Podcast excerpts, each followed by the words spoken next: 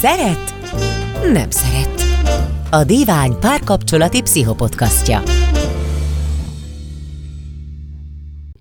Sziasztok, én Sákovics Dianna vagyok, és ma egy rendhagyó adással készültünk nektek, ugyanis a koronavírus miatt nyilván mi, mi sem járunk meg dolgozni, és igyekszünk elkerülni minden személyes kontaktust, úgyhogy a, a podcast stúdiót sem, sem tudjuk úgy látogatni, mint ahogy a korábbi hónapokban megszokhattátok. De most Csonka Balázs kollégámmal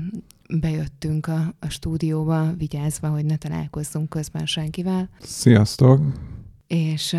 és arról fogunk beszélgetni, ami most ugye leginkább foglalkoztat mindenkit, méghozzá méghozzá a járványról, de hogy, hogy azért egy egészen, egészen másfajta vonatkozásból és perspektívából, mint amiről egyébként hallhattok a médiában. Rengeteg levelet és kérdést kaptunk a, a szeret-nem szeret kukac divány.hu e-mail címünkre, amik mind arról szólnak, hogy hogyan is lehet a,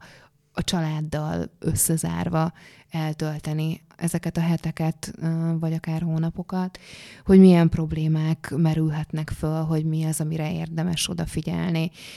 hogyan lehet, hogy bármilyen házasságban, párkapcsolatban, családban alkalmazkodni ehhez a helyzethez. Úgyhogy Úgyhogy a következő, a következő egy óránk, és valószínűleg az azt követő adásunk is ezekről a, a helyzetekről és problémákról fog szólni. Mivel mindketten pszichológusok vagyunk, és a járványnak ezekről a lélektani hatásairól jöttünk be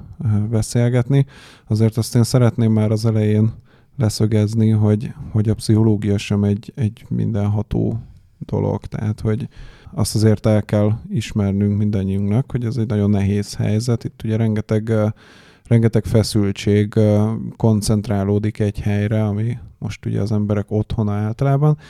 és hogy nem, tehát hogy a pszichológia nem egy ilyen bölcsekköve, hogy a pszichológus sem mentes az alól, vagy azok alól a hatások alól, amik így az embereket a mindennapokban érik, és hogy az sem egy reális elvárás itt a, ezzel kapcsolatban, hogy, hogy az ember egy teljes lelki harmóniában vészeljen át, vagy éljen meg egy, egy ilyen válsághelyzetet, tehát, hogy alapvetően én azt gondolom, hogy ez egy teljesen normális dolog, hogy az ember egy ilyen helyzetben fél, szorong, rosszul érzi magát, becsavarodik, befordul, különféle ilyen lelki tüneteket produkál. Ami, amiről mi itt beszélni tudunk, az, az nagyrészt az, hogy, hogy mik azok a módszerek, amivel ezek a hatások minimalizálhatók, tehát hogy, hogy ezek a tünetek minél kevesebb szenvedést okozzanak nekünk, és hogy itt át is térhetünk szerintem arra, van arra, hogy akkor konkrétan miről beszélünk. Ugye önmagában az, hogy az ember össze van, vagy be van zárva, most még maradjunk annál, hogy be van zárva így a, a négy fal közé, szóval hogy már önmagában az is egy, egy stresszforrás. Ugye hát elég csak arra gondolni, hogy hogy alapvetően nem mozgunk annyit. Tehát ez egy nagyon-nagyon alapvető dolog, és hogy szerintem nagyon nem szabad lebecsülni azt, hogy, hogy az ember, ha csak elmegy munkába, végez mozgást, érik más ingerek, kimegy a szabad levegőre, hogy ugye már a mozgás önmagában egy feszültségoldó tevékenység, tehát valamennyi feszültségtől már önmagában attól meg tud szabadulni, hogy, hogy nem monotona a környezete, és hogy, és hogy valami fajta mozgást végez, többféle dologgal foglalkozik. Ugye hát ez már élből kiesik. És közben ugye az is nagyon, nagyon fontos, hogy akkor, amikor, amikor kimozdulunk a lakásból, akkor, akkor megváltozik a, a környezetünk, elkezdenek minket más ingerek érni, tehát hogy nem, nem ugyanabban a az ingerszegény környezetben tartózkodunk, ami ugye szintén nagyon fontos a, az agyunknak hát igen, ugye a monotonitás az kínzásra is alkalmas hosszú távon, és hát ugye ehhez adódik hozzá még ezek a társas stresszforrások, tehát hogy, hogy milyen otthoni környezet vesz minket körbe, hogy, hogy milyen konfliktusok adódnak így a társas térben, és hát minél többet van összezárva a két ember, hogy látni fogjuk, hogy rengeteg stresszforrással küzdködve, ugye annál, annál több ilyen társas konfliktus fog tudni előfordulni, és hát, hogy rengeteg ilyen külső stresszforrás van még. Ugye hát most akinek gyereke van, tudja, hogy ez a, vagy hát tapasztalta, hogy hogy ez az online oktatás is, tehát hogy ez is nagyon sokszor úgy néz ki, hogy a szülőnek is egyfajta tanári, tanítói szerepet is be kell töltenie, és ugye az nagyon sokaknál úgy néz ki, hogy hogy akkor home office-ban megpróbál egy teljes munkaidőt letudni, közben ott a házi munka, és közben még egy tanári állást is betölt, tehát hogy konkrétan több terhe van az életben, mint, mint korábban amikor ugye bejár dolgozni, és, és a gyerekekkel ezt követően meg ezelőtt foglalkozott. És hát ugye vannak ilyen egészen makró hatások is, ugye hát egyrészt a válságnak a gazdasági következményei, vagy ennek a járványnak a gazdasági következményei, tehát hogy nagyon sok ember ugye most abban él, hogy a munkáját, a megélhetését kell féltenie, illetve hát nagyon nagyban fogyasztjuk a ezzel kapcsolatos híradásokat is. Nagyon népszerű téma mostanában, és hogy tényleg olyan szinten van ezzel tele a médiát, én bevallom őszintén, én már a hét elején teljesen kiégtem ebben, tehát hogy öt percenként jelenik meg egy rendkívüli hír arról, hogy találtak még egy megbetegedettet valahol, és ugye ennek nagyon sok következménye van. Ugye az egyik az, hogy hogy igazából nem kerülünk közelebb ahhoz, hogy megértsük ezeket a dolgokat. Tehát, hogy ez egy, egy ilyen fragmentáció, tehát, hogy így széttöredezik az az információ mennyiség, vagy az az információ adag, amit, amit erről érdemes tudnunk. Szóval, hogy annyira, annyira így a részletek felé mennek el ezek a híradások, hogy, hogy igazából abból már nagyon nehéz visszaépíteni azt, amit igazából ebből lényeges tudni. Tehát, hogy, hogy annyira elveszünk a, a részletekbe ezáltal, hogy,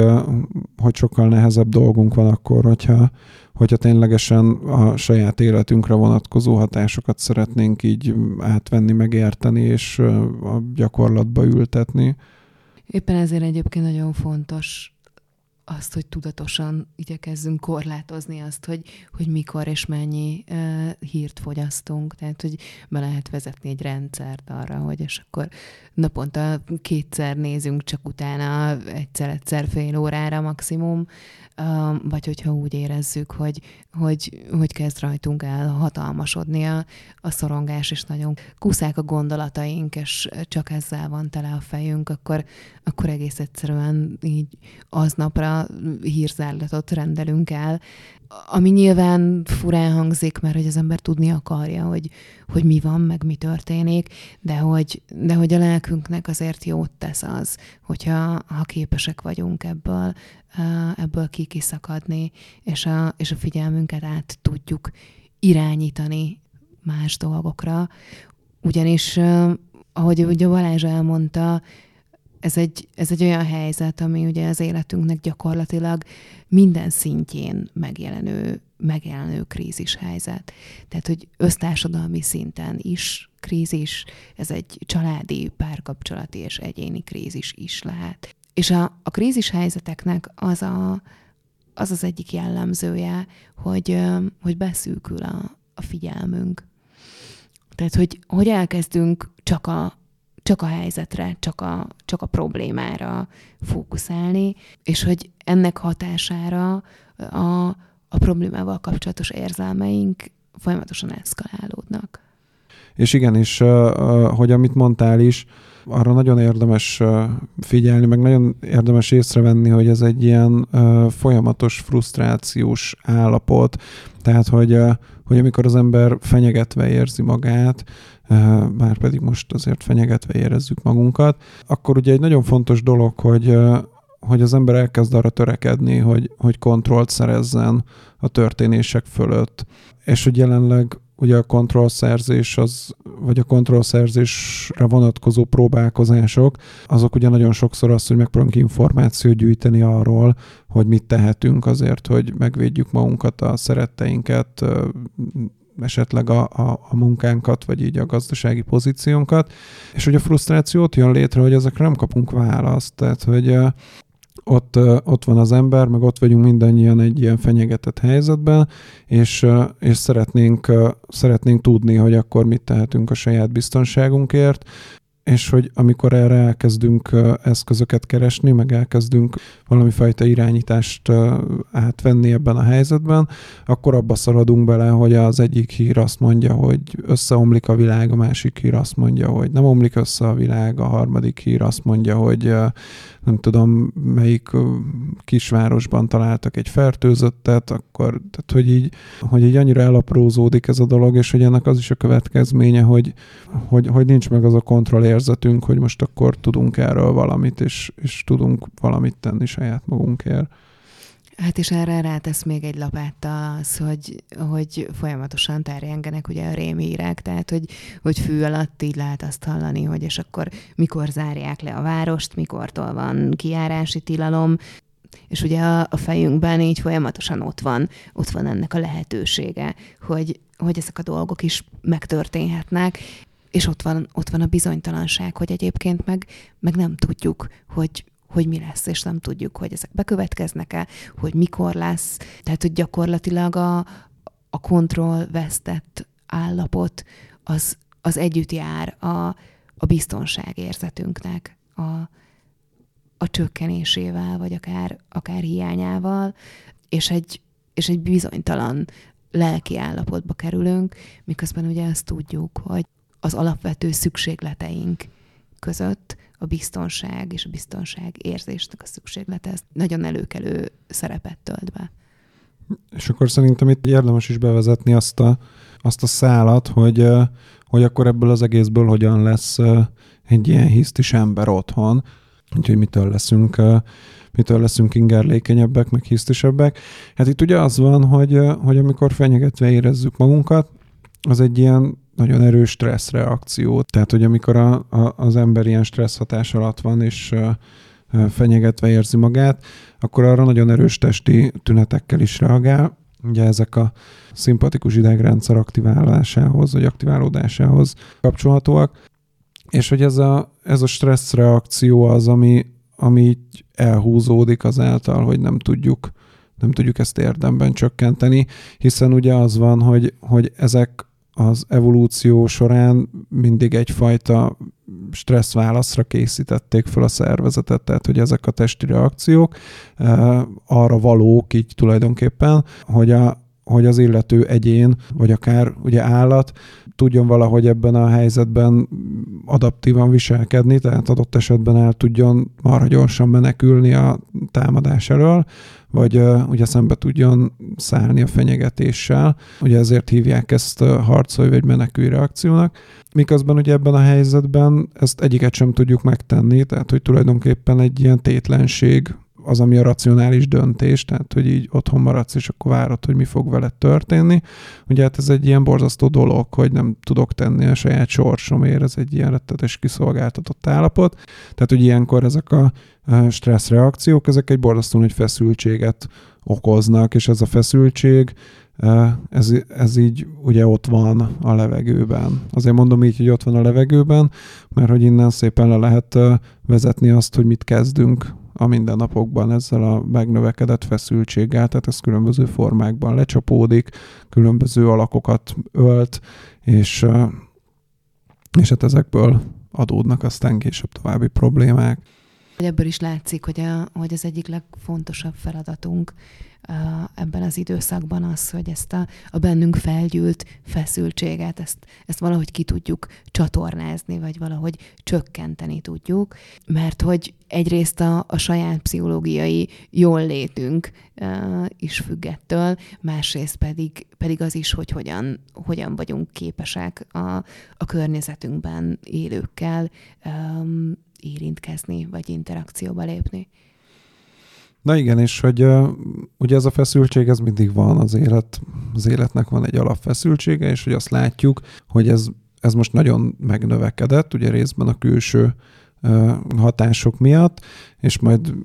ha tovább megyünk, akkor látni fogjuk, hogy ez azért egy ilyen spirált fog létrehozni, ahogy, ahogy a társas interakcióinkba is, ahogy feszülten lépünk be, az még több feszültséget generál, és hogy abból is egy többlet feszültség fog generálódni, de hogy egyelőre maradjunk ott, hogy, hogy van egy megnövekedett feszültség, ami mellé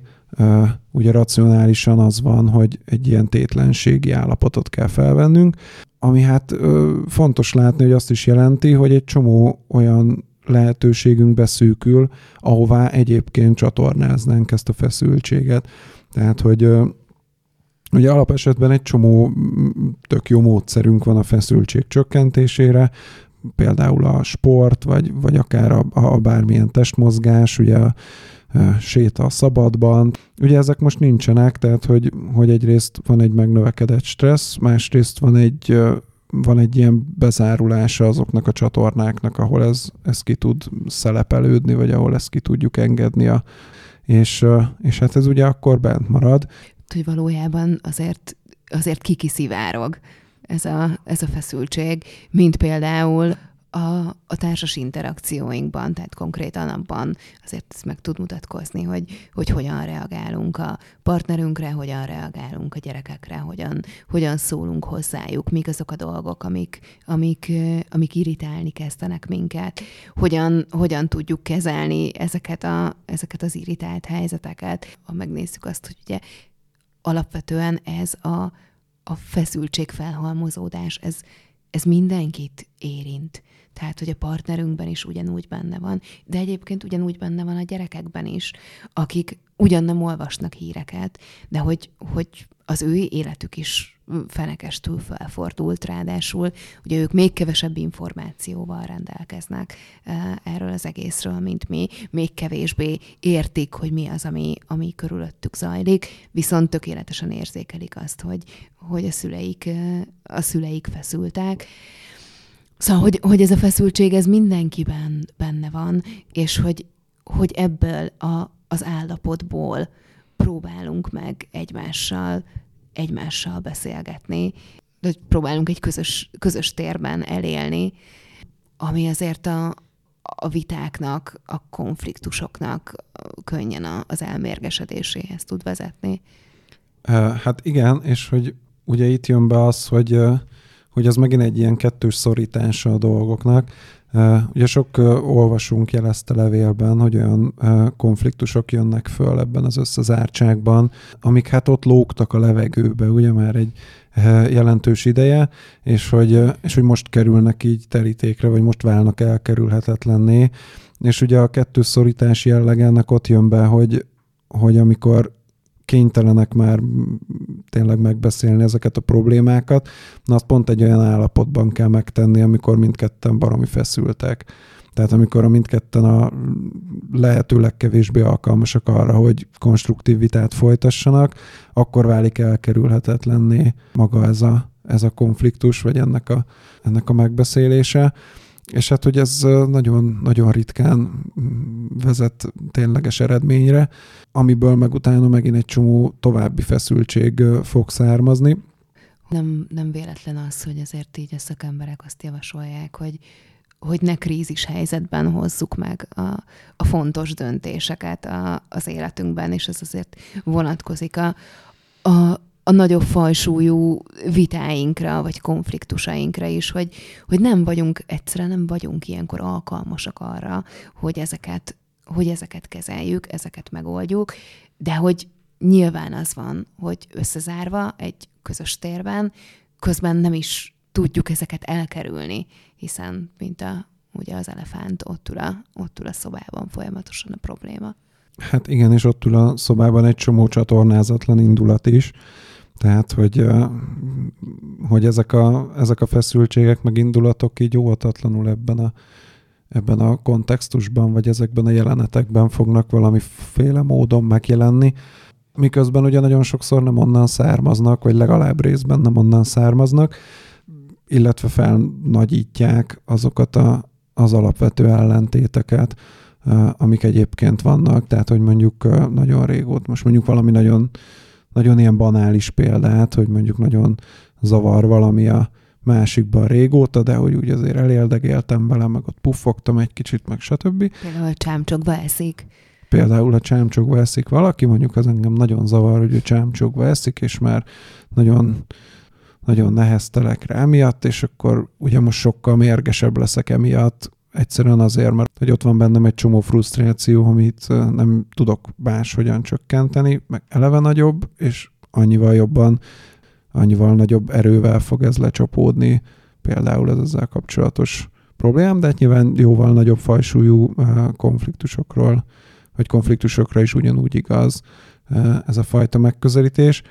Bocsánat, hogy ebb, csak hogy ebben érdemes, érdemes azt látni, hogy, hogy ez azért is történik, mert a bennünk lévő feszültségnek találunk egy, egy, egy konkrét okot. Tehát, hogy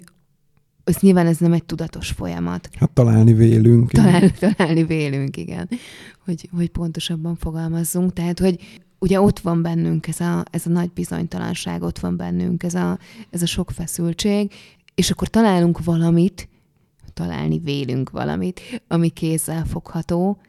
és hogy ilyenkor nagyon nagy örömmel küldjük bele ebbe a helyzetbe a, az összes negatív érzésünket és energiánkat. Hát mert ugye meg tudunk tőlük így szabadulni, tehát azt érdemes látni, hogy itt fenyegetve vagyok egy olyan valami által, amire, amire nem tudom ezt a, ezt a reakciót formába önteni, tehát hogy,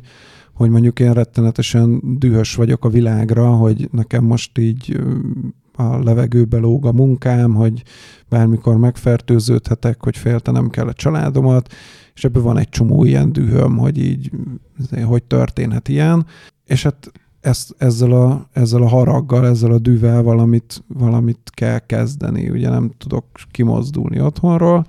és akkor az ilyen kisebb frusztrációk ba fog ez belevetülni, tehát hogy sokkal jobban fogok haragudni a asztal sarkába, hogyha sikerül belerugni, sokkal jobban fogok haragudni a másikra, ugye, hogyha csámcsog, tehát hogy, hogy az a dühöm, ami egyébként másból származik, de nem tud a rendeltetésszerűen a, a saját maga helyén megjelenni, az meg fog jelenni máshol. És hát, hogy tulajdonképpen ezért leszünk baromi hisztisek ebben az időszakban, és ezért töltekezünk föl még további e, ilyen feszültségekkel. És hogyha nagyon barbár módon így e, két csoportra osztjuk a, az embereket, e, ami nyilván nem fogja lefedni a teljes populációt, de ezek nagyon jellemző tendenciák. Ugye az egyik, az egyik tendencia az, aki, aki ezeket egyáltalán nem fejezi ki, ugye ezeket a, a, az indulatait ugye ő lesz az, aki otthon dúzzog, vagy valami fajta passzív agresszióval reagál a, a helyzetekre, miközben így belül egy borzasztó nagy feszültséget él meg, és hogy ugye erről a feszültségről tudjuk, hogy, hogy azért nagyon, hát, hogy nagyon erős testi tüneteket tud okozni, és hogy és ugye berendesen bele lehet betegedni, ennek is megvan a maga szakirodalma, hogy, hogy ez a folyamatos feszültségben levés, hogy ez a folyamatos készenléti állapot, ez hosszú távon, hogy gyengíti el az immunrendszert, a szervezet ellenálló képességét, tehát hogy tulajdonképpen minél több ilyen elnyomott indulattal élünk, annál nagyobb az esélyünk, hogy megbetegszünk. Most nem elsősorban itt a koronavírus fertőzésre gondolok, hanem általánosságban az nagyon, nagyon súlyosan az egészségünk rovására tud menni. És ugye a másik irány, meg a, az expresszív ember, aki meg nagyon hangot ad az indulatainak, és őt ugye nagyon indulatosnak mondjuk, még a másiknak ugye nem hangzik el egy hangos szó nálunk otthon. Ugye abban lehet tudni, hogy irgalmatlan feszültségek vannak a levegőben, és nagyon-nagyon frusztráltan élnek az emberek, mivel hogy törekednek rá, hogy, hogy ezek a szelepek minden legyenek zárva, ahol ez a feszültség kiszivároghatna. De ugye van a másik véglet, ugye ez a mediterrán család, ahol mindenféle kiabálás, meg veszekedés, meg mindenféle dolog előfordulhat. Ugye kérdés, hogy milyen keretek közé van ez szorítva, de hogy lényeg az, hogy van, aki meg ki tudja ezt, a, ezt az indulatát fejezni. Szóval, hogy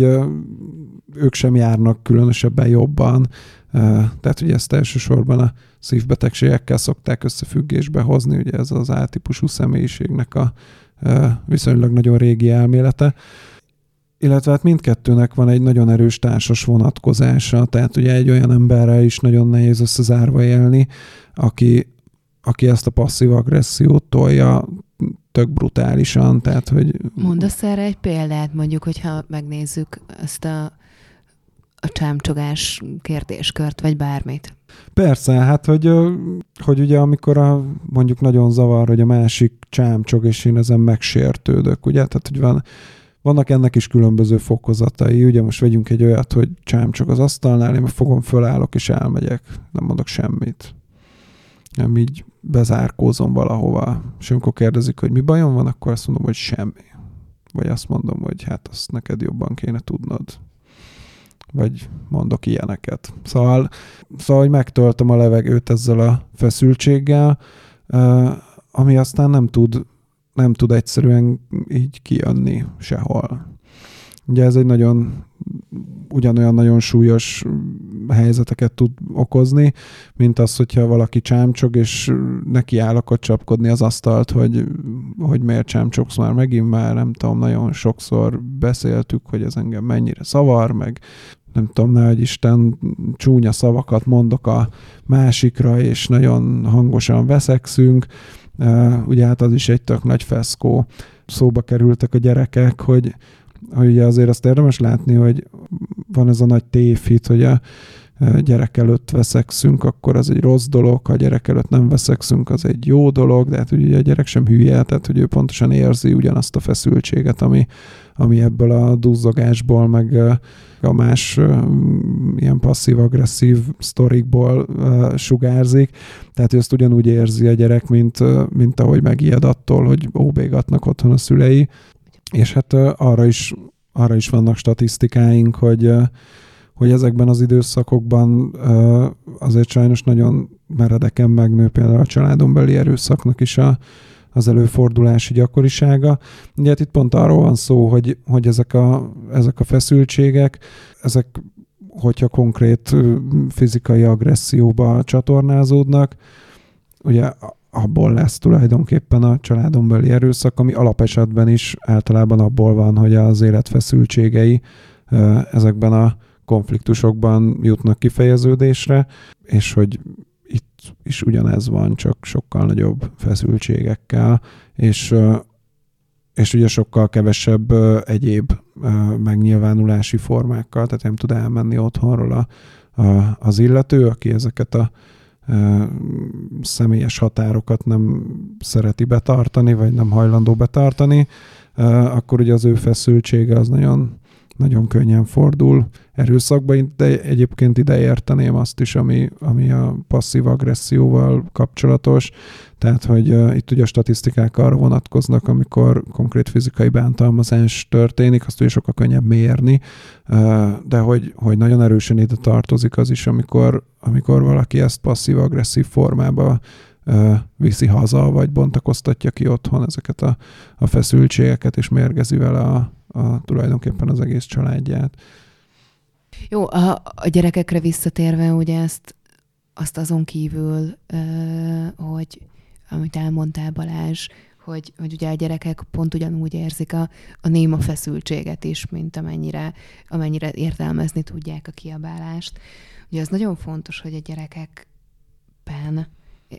ilyenkor nem csak feszültséget keltünk egy-egy ilyen családi konfliktussal, de hogy egy, egy mintát is mutatunk nekik arra, hogy, hogy hogyan kell ezeket a, ezeket a helyzeteket, ezeket a konfliktusokat kezelni.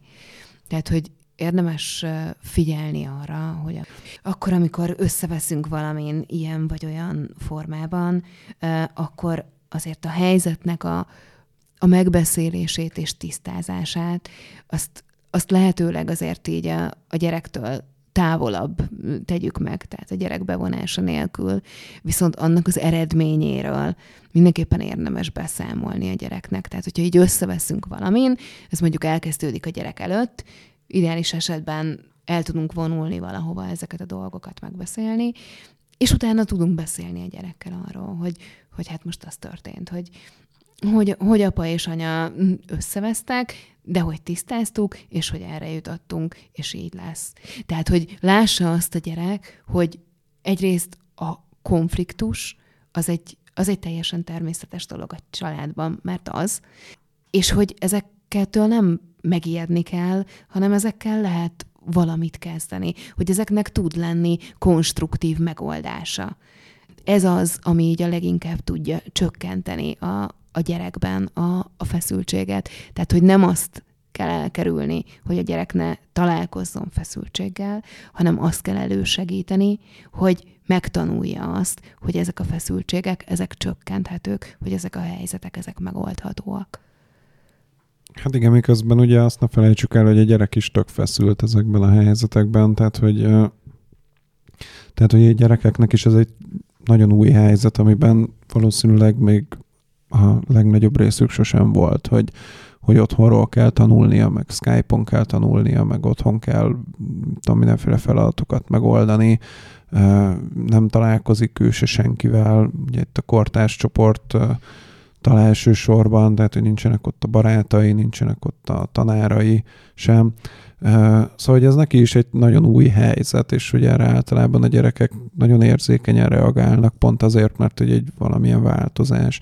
De változásra azért a felnőttek is nagyon érzékenyen reagálnak, és a gyerekeknek ugye fokozottan fontos az, hogy valami kiszámítható környezet legyen a, a számukra, ami most így úgy, ahogy van, nincs. Tehát, hogy hogy azért azt érdemes szerintem figyelembe venni, hogy a gyerek is, vagy a gyerek sem azért hisztisebb, mert, mert ő most egy rossz gyerek vagy valami, hanem hogy egyszerűen azért hisztisebb, mert hogy amire idáig támaszkodni tudott, mint, mint biztonságos keretek, az így egyik napról a másikra tulajdonképpen megszűnt, és hogy, és hogy benne is létrejön ezáltal egy alapfeszültség, vagy hogy megnő ez az alapfeszültség, az életnek, és hogy, és hogy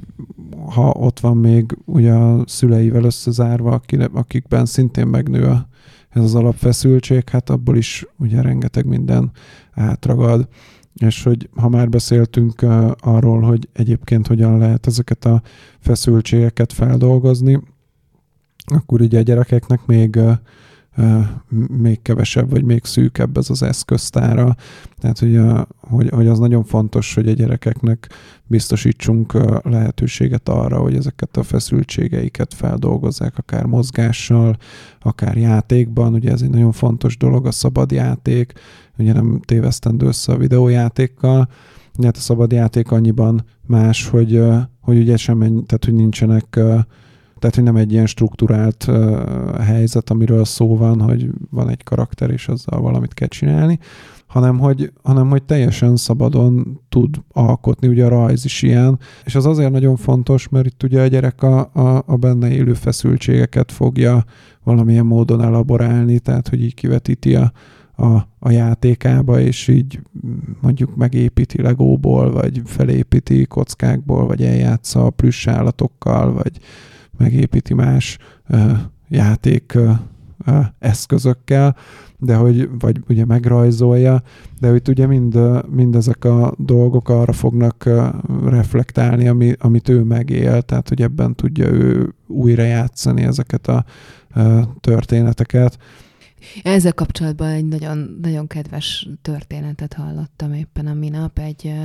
egy ismerős hölgy, aki egy társas játékboltban dolgozik, mesélte, hogy hogy bár ugye a legtöbb boltnak a forgalma jelenleg nagyon lecsökkent, de hogy például a társasjátékbolt, oké, okay, az az jelentősen meg, megemelkedett, és azt mesélte, hogy a, van egy Pandemic nevezetű uh, társasjáték, ami, amiben az a cél, hogy egy világméretű járványt kell legyőzni, hogy ennek a forgalma nőtt meg uh, nagyon. Tehát, hogy ez az, amit így, így szeretnek vinni az emberek. Azt mondta, hogy soha nem adtak még el belőle ennyit ő úgy mesélte el ezt a történetet, hogy nem érti az embereket, hogy hát hiszen a csapból is, a csapból is ez folyik, hogy miért akarnak még a játékban is a, a járványjal foglalkozni. De hogy pont az, ami, amiről most beszélt Balázs, hogy, hogy itt ez egy, ez egy lehetőség arra, hogy a bennünk lévő feszültséget kicsatornázzuk, hogy kontrollt gyakoroljunk a helyzet felett, és hogy játékban legyünk képesek legyőzni a járványt.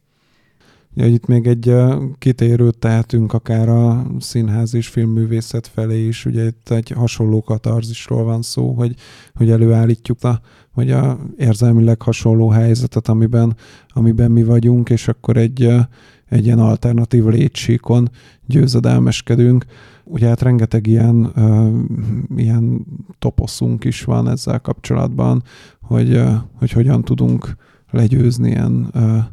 különböző fenyegetéseket az életben, mert hogy az itt annyira nem járvány specifikus, tehát azon se kell meglepődni, hogyha hogyha mondjuk egy magát fenyegetve érző gyerek mondjuk ilyen várakat kezd építeni, vagy bunkereket, vagy erődöket székekből, legóból, fakockából, bármiből. Ugye hát, mert hogy az alapélménye az ugye a fenyegetettség, és ugye a fenyegetettségre azt reagáljuk, hogy védekezünk, hogy valami fajta ilyen biztonságot keresünk, és hogy ez például egy, egy, egy tök jellemző ilyen módja ennek a fajta megküzdésnek. Ugye itt attól is függ, hogy a gyerek érzelem világában mi az, ami, ami vezető szerepet játszik, tehát őt az nyomasztja leginkább mondjuk, hogy, eh, hogy akkor elkapja a vírust, vagy a szülei elkapják a vírust, és akkor valami nagy baj lesz, meg megbetegedés lesz, eh, mert hogy ezt kommunikálják neki, és az otthoni hangulat is elsősorban a félelemről szól, hogy, hogy akkor félünk ettől a járványtól, akkor azért esélyes, hogy, hogy valami fajta ilyen, ilyen védekező játékokat, rajzokat fog produkálni. Ugye mindenféle más érzés is megjelenhet, akár a harag, vagy egy másfajta bizonytalanság, másfajta fenyegetettség, akár gazdasági, akár az attól való félelem, hogy akkor a szülei elválnak, vagy elhagyják őt, vagy valami bajuk esik, ugye akkor nagyon gyakran játszanak olyat, hogy megmentenek valami figurát, ugye akár egy konkrét figurát egy játékban, vagy plusz állatot, bármit. Szóval, hogy itt az érzelmek széles skálája tud kifejeződni a, a játékban, a rajzokban, és hogy az nagyon fontos, ugye a gyerek a, a gyerek érzelmi jóléte szempontjából, tehát hogy nagyon fontos lenne főleg a kisgyerekek számára, hogy erre megfelelő terük legyen, és hát ugye a mozgás, ami, ami hát felnőtt korban is egy nagyon jó feszültségoldás, és hát azért, aki, aki látott már kisgyereket, az tudja, hogy azért a négy fal között korlátozott ideig képes ellenni. Hát akinek van zárt szabadtéri alkalmatossága, mondjuk az úgynevezett kert, annak most viszonylag szerencséje van. Ugye hát akinek nincs, annak sokkal nehezebb a dolga azzal, hogy, hogy hogyan lehet a, a megfelelő mozgás mennyiséget biztosítani a, a, a gyerekeknek. Most, hogy átbeszéltük a gyerekeket, szerintem azért térjünk át a, a felnőttekre is, hogy, hogy mi az, amit, mi az, amit ők tudnak csinálni ebben a, ebben a feszült helyzetben. Ugye itt az adás elején végigmentünk azon, hogy, hogy, hogy mi is történik most általában az emberekkel. Nyilván itt ilyen nagy egyéni különbségek lehetnek, ahogy nagy egyéni különbségek vannak abban is, hogy egyébként ki hogy bírja ezeket a belső feszültségeket, is, és ki miként tudja ezt, ezt levezetni, milyen megküzdési módok állnak rendelkezésére ebben a dologban, mert ugye számos, számos megküzdési, megküzdési móddal rendelkezünk, és akkor ezek közül, ezek közül vannak, amik hasznosak abban az értelemben, hogy, hogy előrébb viszik az embert, és vannak, amik abban tudnak segíteni, hogy a jelenben éppen el tudjuk odázni a, a problémát. Ilyen például az, hogyha ilyenkor valaki elkezd többet inni vagy drogozni, hogy ez nyilvánvalóan hossz, hosszú távon nem segít csökkenteni a feszültséget. Az egy nagyon fontos kérdés, hogy lássuk, hogy mi az, amit tudunk tenni azért, hogy, hogy a lelki jól létünket azt, azt képesek legyünk fenntartani, vagy visszaállítani azok közül a lehetőségek közül, amiket használni szoktunk, eh, ahogy Balázs is mondta, nagyon sok korlátozott. Eh, tehát például nem mászkálhatunk szabadon az utcán, de nyilván addig, ameddig le meg lehet tenni, amíg ki lehet menni eh, a, az utcára, vagy ki lehet menni a természetbe, érdemes megnézni, hogy hogy hova és hogyan tudunk eljutni biztonságosan, és ha tudunk tenni egy-egy órás sétát nyilván, akár a megfelelő óvintézkedéseknek a betartásával, akkor ezt érdemes, érdemes megpróbálni. Ahogy érdemes bevezetni azt is, hogy, hogy mozogjunk otthon, rengeteg, rengeteg videót, edzéstervet lehet találni, amit, amit otthon is tudunk alkalmaz, alkalmazni. Egyébként a, a dívány testem rovatában például ö, rendszeresen vannak olyan, olyan videók, amiket, amik, amik alapján egy nagyon jó kis edzéstervet tudunk összeállítani otthonra. Tehát, hogy elkezdeni tényleg időt szállni arra, hogy, hogy megmozduljunk otthon, hogy, hogy csináljunk valamit. Nagyon sokat segít abban, hogy, hogy visszaszerezzük a kontrollt az életünk felett, vagy legalábbis a kontrollnak az érzését, és csökkenjen a bennünk lévő feszültség azzal, hogyha így, ha így összerakunk egy ilyen hozzávetőleges napi rendet, hogy mi az, amit, amit csinálni fogunk aznap, hogy, hogy hogyan, mikor dolgozunk, hogy hogyan, mikor tudunk mozogni. És érdemes csinálni, vagy beleilleszteni ebbe a, ebbe a napirendbe egy olyan, olyan idősávot, amikor amikor biztos, hogy közösen töltjük az időt, és egy olyan idősávot is, amikor megpróbálunk, amennyire lehet a lakáson belül elszeparálódni egymástól. Tehát, hogy megpróbálunk valamennyi időt egyedül tölteni. Mert ugye itt a, a belső feszültségnek az sem tesz jót, hogyha ha az ember azt érzi, hogy, hogy egyáltalán nincsen, nincsen saját tere. A családja, akiket egyébként nyilván nagyon szeret, de hogy, hogyha a családja folyamatosan a, a, a határain belül van, ha nincs idő arra, hogy, hogy egy kicsit így magunkban végig gondoljuk azt, hogy, hogy mi is történik velünk, hogy hogy is érezzük magunkat, hogy, hogy egy kicsit rálátást tudjunk szerezni a, a, a saját érzelmi állapotunkra, az, az önmagában is nagyon sok feszültséggel jár. Tehát, hogy érdemes, érdemes odafigyelni arra, hogy, hogy találjunk helyet a, az én időnknek is. Igen, és én még, én még ide venném azt a, azt a bizonyos üres járatot, ami szerintem tök fontos. Ugye ez egy ilyen tüneti kezelés, ezt nagy megvetéssel szokták kezelni, hogy a probléma gyökerét kell ugye megtalálni, de hát nagyon nehéz a probléma gyökerét ásni éppen, amikor az ember baromira szenved. Szóval szerintem nagyon fontos az is, hogy legyenek ilyen, ilyen üres járatok, hogy az ember megnéz valami agyibbasztó filmet, hogyha, hogyha éppen ö, lehetősége van rá. Vagy éppen játszik. Vagy éppen játszik. Ugye itt uh, arról is beszélünk, hogy, uh, hogy ez nagyon sok uh, családban azért okoz nehézséget, mert hogy nagyon sok plusz terhet hoz az, hogy a, a gyereket is tanítani kell tulajdonképpen, meg, meg rengeteget kell vele foglalkozni. Ha nagyon a nulladik emeletről szeretnénk indulni,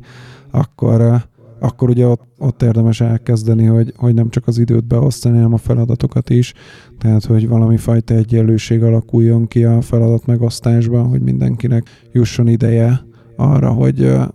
hogy lehessen ilyen üres járata, hát lehet ezt együtt is csinálni egyébként aminek alapvetően semmi értelme, de mégis így kikapcsol minket abból, a, abból az inger dömpingből, ami, ami ér minket így koronavírus ügyben, illetve abból a, abból a otthonra költözött mókuskerékbe, ami, ami hát egy, egy keményebb mókuskerék sokszor, mint, mint ami a világban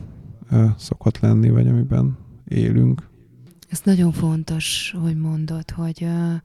hogy figyeljünk arra, hogy, hogy megosszuk a feladatokat. Kaptunk ezzel kapcsolatban levelet egy, egy hölgy hallgatónktól, hogy az egyik legnagyobb probléma, amivel ő szembesült itt az elmúlt egy hétben, hogy nem csak a, nem csak a saját nyolc órás munkáját kell elvégeznie, nem csak a háztartást kell vinnie, de hogy minden a gyerekkel kapcsolatos feladat is ráhárul, ami egyébként így van az ő életükben akkor is, amikor, amikor éppen nincsen járvány, de hogy mivel most a gyerek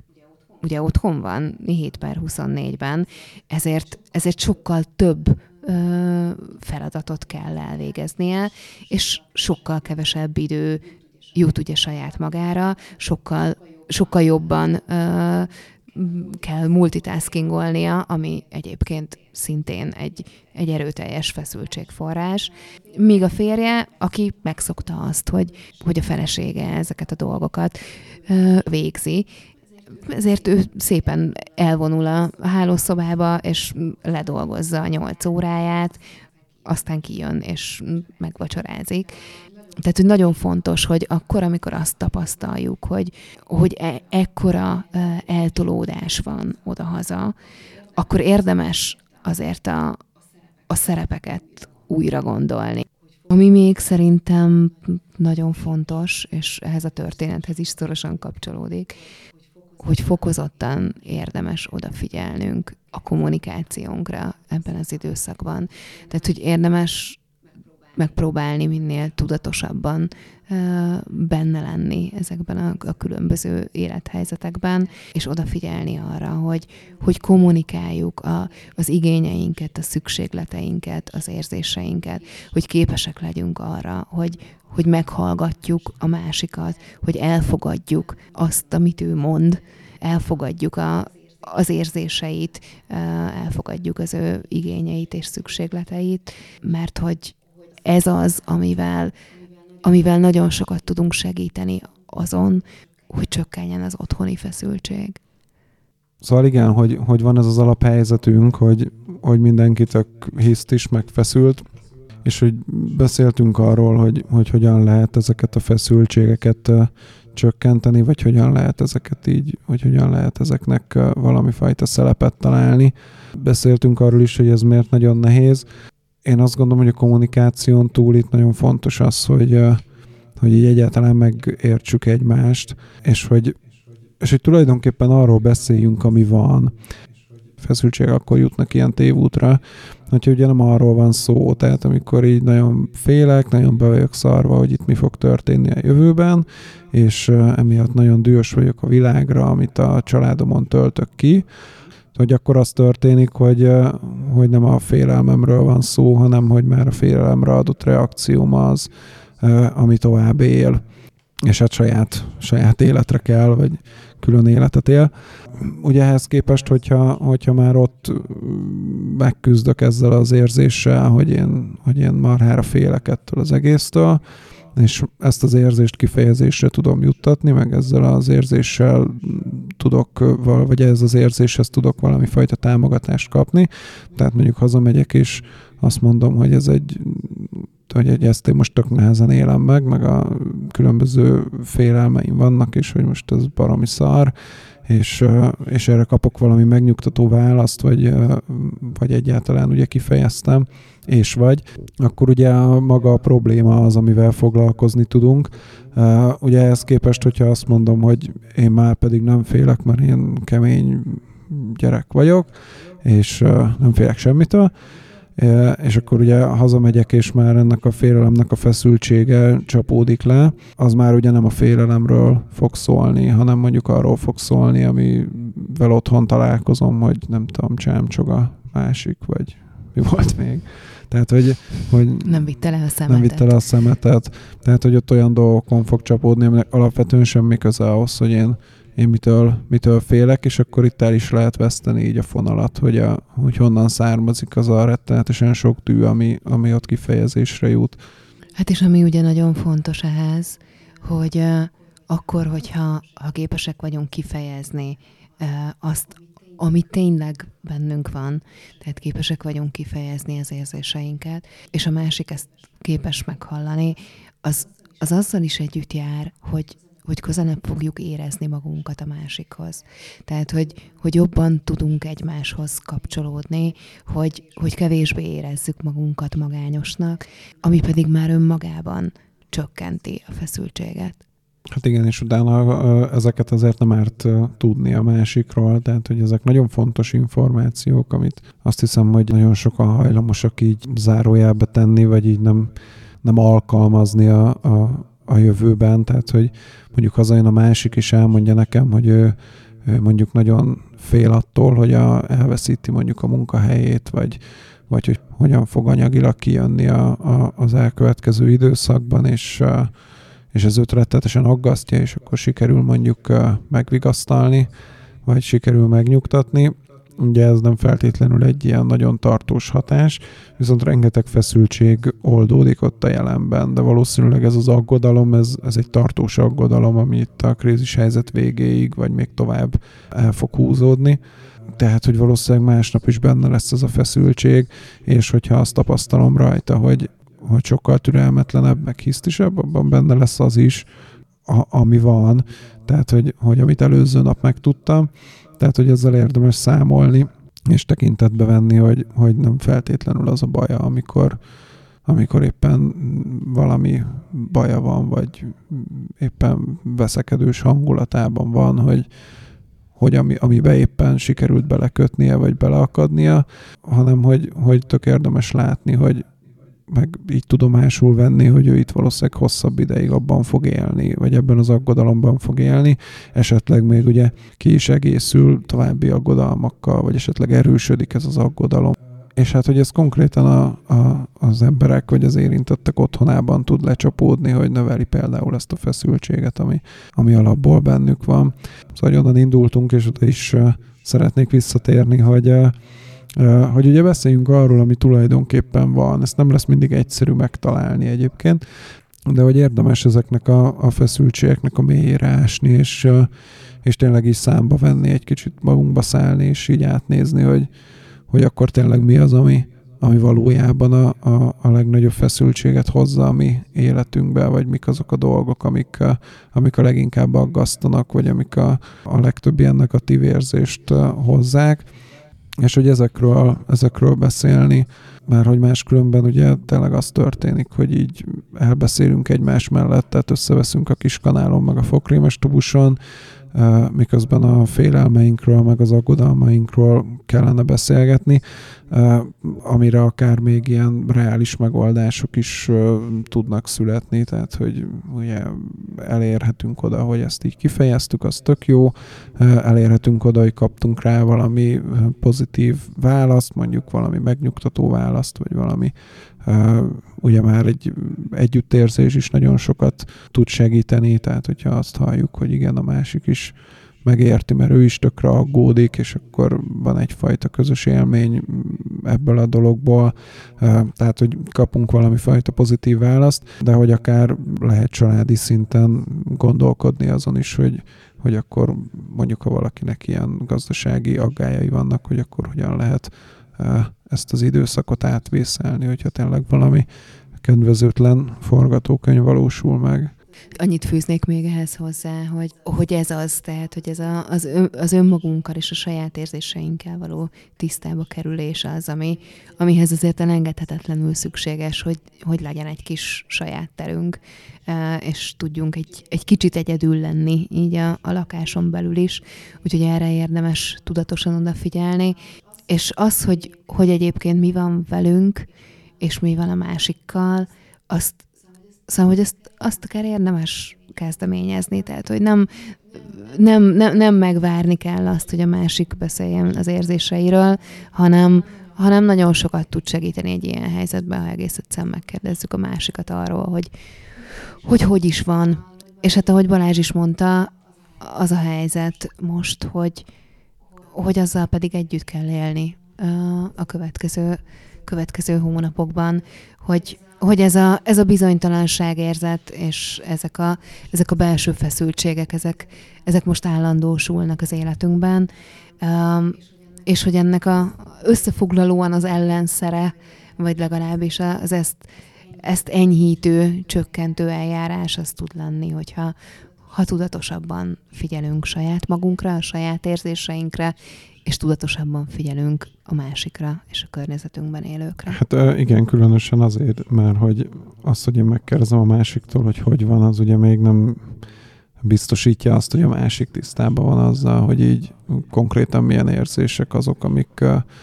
amik valójában nyomasztják, vagy ami, amitől ő valójában feszült, vagy mik azok a helyzetek, amik valójában feszülté teszik. Tehát ugye ez azért, hogy, hogy én megkérdezzem, és a, ezt és arra valami valós választ kapjak, ahhoz azért az is kell, hogy, hogy a másik is részt vegyen a buliban, és, és ő is hajlandó legyen elgondolkozni ezen. Meg hát ugye nagyon fontos az, hogy, hogy ugye erre azért fel kell készülni, tehát hogy el kell bírni a másikat. Most ezt csak azért mondom el, mert hogy ugye ezzel kapcsolatban is érkezett észrevétel, és hogy, és hogy egy nagyon fontos szempontra mutat rá, hogy, hogy ezt lehetővé is kell tenni a másik számára, hogy kifejezze magát illetve hogy arról beszéljen, ami van. Tehát, hogyha ugye az ő önkifejezését nem segítjük, hanem gátoljuk, akkor ugye csak még beljebb fog zárkózni, és, és a benne lévő mm, feszültségek azok még kevésbé, tehát még kevésbé olyan formában fognak megnyilvánulni, ami, amihez valójában közük van. Én azt hiszem, hogy elhangzott mindaz, amit erről a mostani helyzetről általánosságban tudunk. Én onnan indítanám ezt az összefoglalást, hogy szóval nem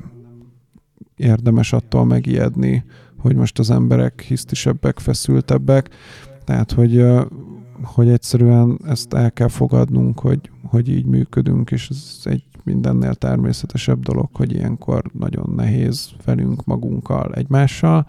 és ezen belül, amit elsősorban tenni tudunk, az az azt gondolom, hogy a feszültség csökkentésére vonatkozik, illetve arra, hogy, hogy minél pontosabban tudjuk, hogy ezek a feszültségek honnan származnak, és arról próbáljunk meg minél hatékonyabban kommunikálni egymással. Köszönjük szépen a, a figyelmeteket, ennyi volt mára. Jövő héten újra fogunk jelentkezni. A, a témánk továbbra is a,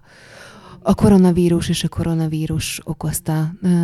pszichés hatások lesznek. Ö, sokkal konkrétabb ö, tematikával fogunk jönni, ugyanis a, a ti olvasói leveleitek. Ennek most sajnos vége, de ha kellene még, gyere el a divány.hu szeret-nem szeret oldalára. Figyelmet, sziasztok! sziasztok. A műsor a Béton partnere.